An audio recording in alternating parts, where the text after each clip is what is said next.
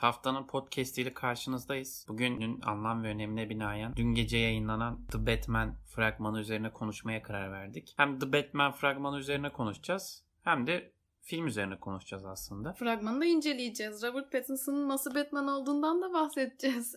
evet direkt sonda söyleyeceğimizi başta söyleyelim. Robert Pattinson'ın fragmanda gördüğün kadarıyla Batman performansını nasıl buldun? Ben çok beğendim. Çoğu kişi beğenmiş. Tabii ki olumsuz yönde eleştirenler de var ama bence olumsuz yönde eleştirenler Twilight serisindeki Edward Cullen'a takmış kafayı. Harry Potter, Cedric ve o.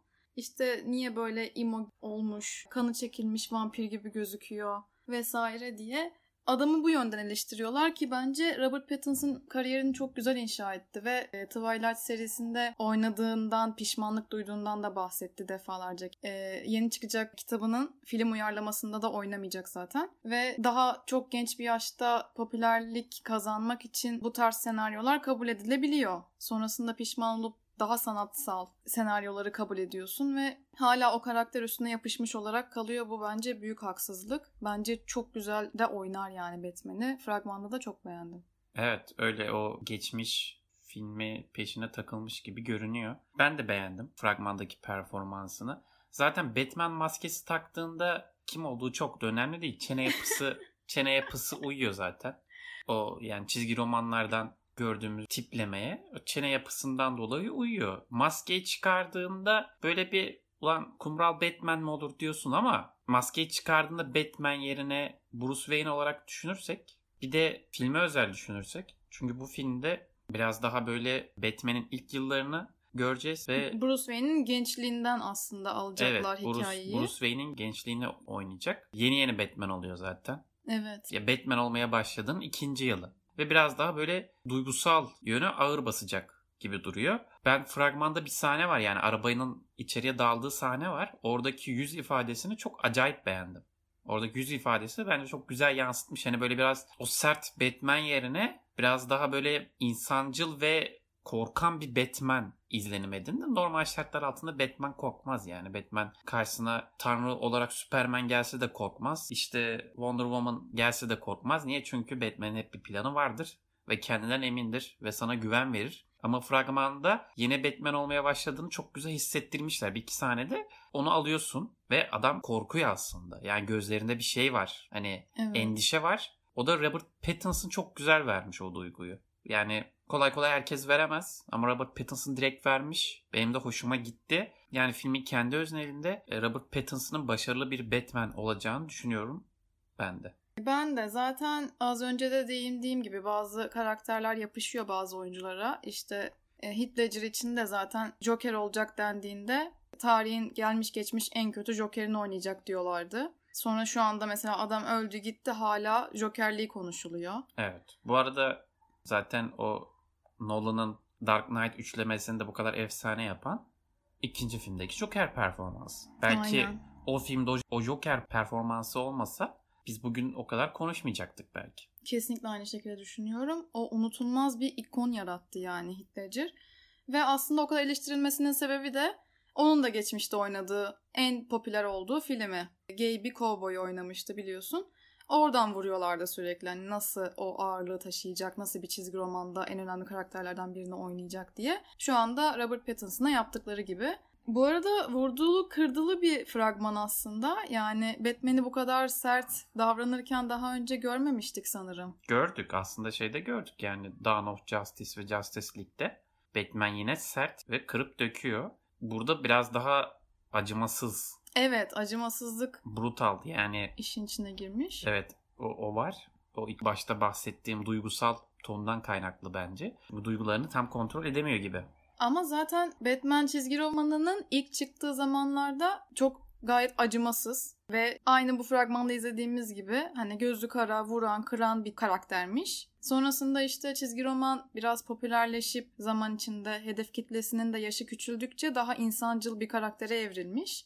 Dolayısıyla ilk zamanlarda zaten çok kasvetli bir atmosfer yaratılmış ve bu da ilk zamanlara odaklandığı için The Batman filmi bu kasvet ve karanlık gotik hava benim çok hoşuma gitti. Hiç bu kadar karanlık görmedik yani Tim Burton'ın atmosferi bile bu kadar karanlık değil. Değildi. İlk Batman'i kostümlü halini gördüğümüzde kimse hiçbir şey anlamamıştı mesela.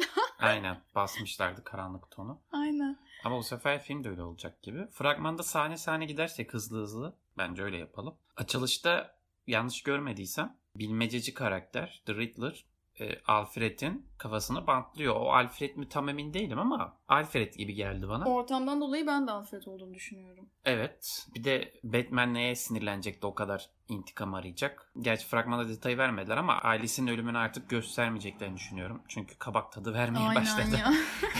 Zaten bir sürü de yorum var onunla alakalı komik komik. Ee, ben o bant sesi detayı benim çok hoşuma gitti. Evet. Beni direkt içine çekti yani fragman açar açmaz. O bant sesini o Bir de müzik gibi vermişler ya ilk Aynen fragman o öyle. şekilde açılıyor. o kasvetli havayı direkt yansıtıyor ve seni içine çekiyor.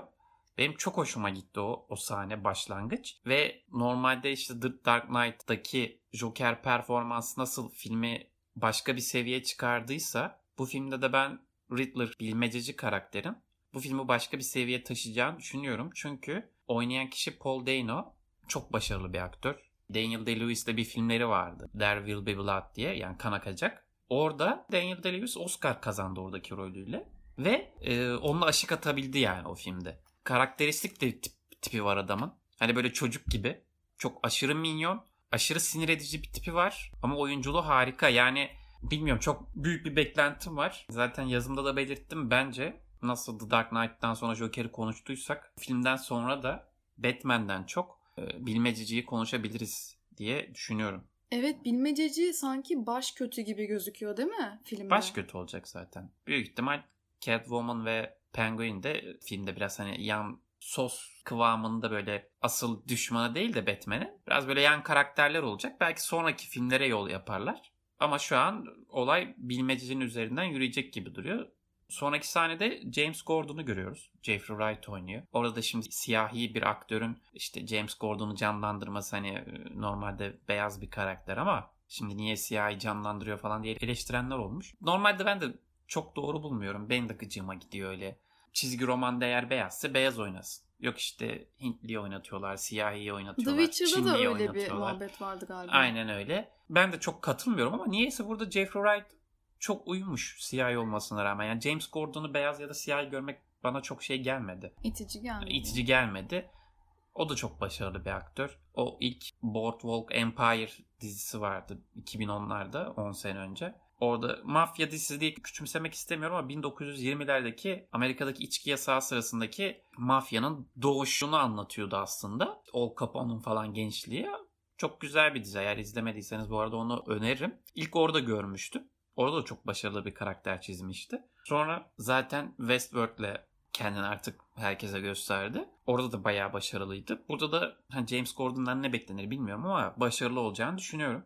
Yani Robert Pattinson'la bence Batman'le iyi bir ikili olurlar. Sonraki sahnede yani arada Catwoman'ı görüyoruz. Penguin'i görüyoruz. Colin Farrell canlandırıyor ve tanımamız imkansız. Herhalde bilmesek Colin Farrell demezdik Ben yani. asla anlamadım. Bu kim Evet. diye baktım yani. İnanılmaz bir makyaj yapmışlar adama. Büyük ihtimal kazanır belki en iyi makyaj dalında Oscar'ı. Evet ya bambaşka birine dönüşmüş ve genelde zaten rollerinde böyle oluyor ya. Tanımıyorsun Colin Farrell'ı. Tanımıyorsun. The Gentleman'da da tanıyamadık ya. Evet. Oradaki aksanıyla falan bence harika. Performans sergiledi. Aynen. İyi de oyunculuğu. Burada da bizi şaşırtabilir gibime geliyor. Bayağı bir şaşırabiliriz. Onu da merakla bekliyorum. Catwoman karakterini oynayan Zoe Kravitz yani çok takip etmedim bilmiyorum. Başarılı gibi. Ama zaten Catwoman ne kadar ağırlığı olabilir onu da bilmiyoruz filmde. Sonraki sahnede Batman bir tane Joker yancısını fena benzetiyor. Ve sahne aşırı gaz. Ben Joker'leri hiç sevmedim. Onlar ne biçim makyaj? Boya yani. Bir de Joker büyük ihtimal var Batman'in ikinci yılında. Peki bir şey söyleyeceğim. Ama Joker'i göstermezler herhalde bu filmde. Batman'in ha yok Çünkü şu an Batman göstermezler. üçleme bu The Batman Matt Reeves'in yöneteceği seri üçleme olacak. Üçleme olarak planlanmış. Büyük ihtimal ilkinde girmezler Joker Şimdi detayına. üçlemenin devam filmlerinde sence Joaquin Phoenix'in oynadığı bir Joker görecek miyiz? Görmeyeceğiz. Neden? Büyük ihtimal görmeyeceğiz. Görelim Çünkü bunlar farklı evrenlerde geçiyor. Yani Zack Snyder'in evrenindeki Joker farklı. bizim Joaquin Phoenix'in evrenindeki Joker farklı. Bir de işte Matt Reeves'in çektiği The Batman evrenindeki Joker farklı olacak. Ama Multiverse diye bir şey yapacaklar ve bunları bir yerde bağlayabilirlermiş. Örnek veriyorum The Flash filminde hem Michael Keaton'ın Batman'ini hem de Ben Affleck'in Batman'ini görecekmişiz. Çünkü orada büyük ihtimal zaman paradoksunda geçmişe gidecek, geleceğe gidecek ve birleştirecekler. O yüzden hani genel olarak baktığımızda farklı şey mantıklı bir çerçeveye bunu oturtabilirler. Dövüş sahnesi çok iyi. Koreografi olarak çok iyi. Dediğim gibi aşırı gaz. Çok iyi benzetiyor. Aynen. Kemik sesleri falan geliyor.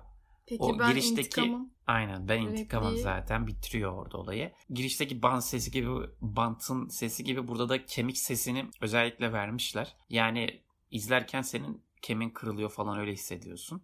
Sadece şöyle çok mantıklı bir eleştiri okudum. Adamın teki demiş ki normalde Batman onu yere sermesi işte 10-15 yumrukta olmaz. 2 yumrukta adamı pert etmesi lazımdı demiş. Komik. Yani hoşuma gitti ama Batman'in de ikinci yılıysa bir de intikam almak istiyor. Yani adamın şey yapmak istemiyor, pasifize etmek istemiyor. Adama acı çektirmek istiyor. Ve onu da o süreyi uzatıyor. Adamı dövme süresini uzatıyor. Genel olarak böyle. Yani üstüne daha konuşmaya atladığımız bir şey var mı? Bu Bilemedim. arada Zoe Kravitz için e, The Dark Knight Rises'da rol alacağı söylendiğinde e, o zaman çok şehirli görünüyor. Hani bu role uymaz diye yorum yapmışlar ama şu an bence çok yakışmış yani fragmanda beğendim ben. kötü durmuyor. Ama ne bileyim Catwoman Senin için sadece Batman var bence. Yo ben yan, yan karakter şu an Riddler karakterine daha çok yükseldim. Bilmececiye. Ve bence o ne kadar iyi olursa filmde o kadar iyi olacak gibime geliyor. Batman'den öte. Dediğim gibi benim ben onda daha çok hype yaptım. Çok iyi bir performans bekliyorum. E, bu arada pandemiden önce filmin %25'i tamamlanmıştı. Şu anda önümüzdeki hafta galiba çekimleri devam edecek. Yani 2021'i nasıl bekleyeceğiz bilmiyorum. 25 Haziran 2021 tarihi verilmiş. İple çekiyorum şu an. Aynen ben de. Fragman incelemesini detaylı olarak kültürflix.com'dan okuyabilirsiniz. Bizi Twitter'dan, Instagram'dan ve YouTube kanalımızdan takip edebilirsiniz. Diğer podcast'te görüşmek üzere. Görüşmek üzere.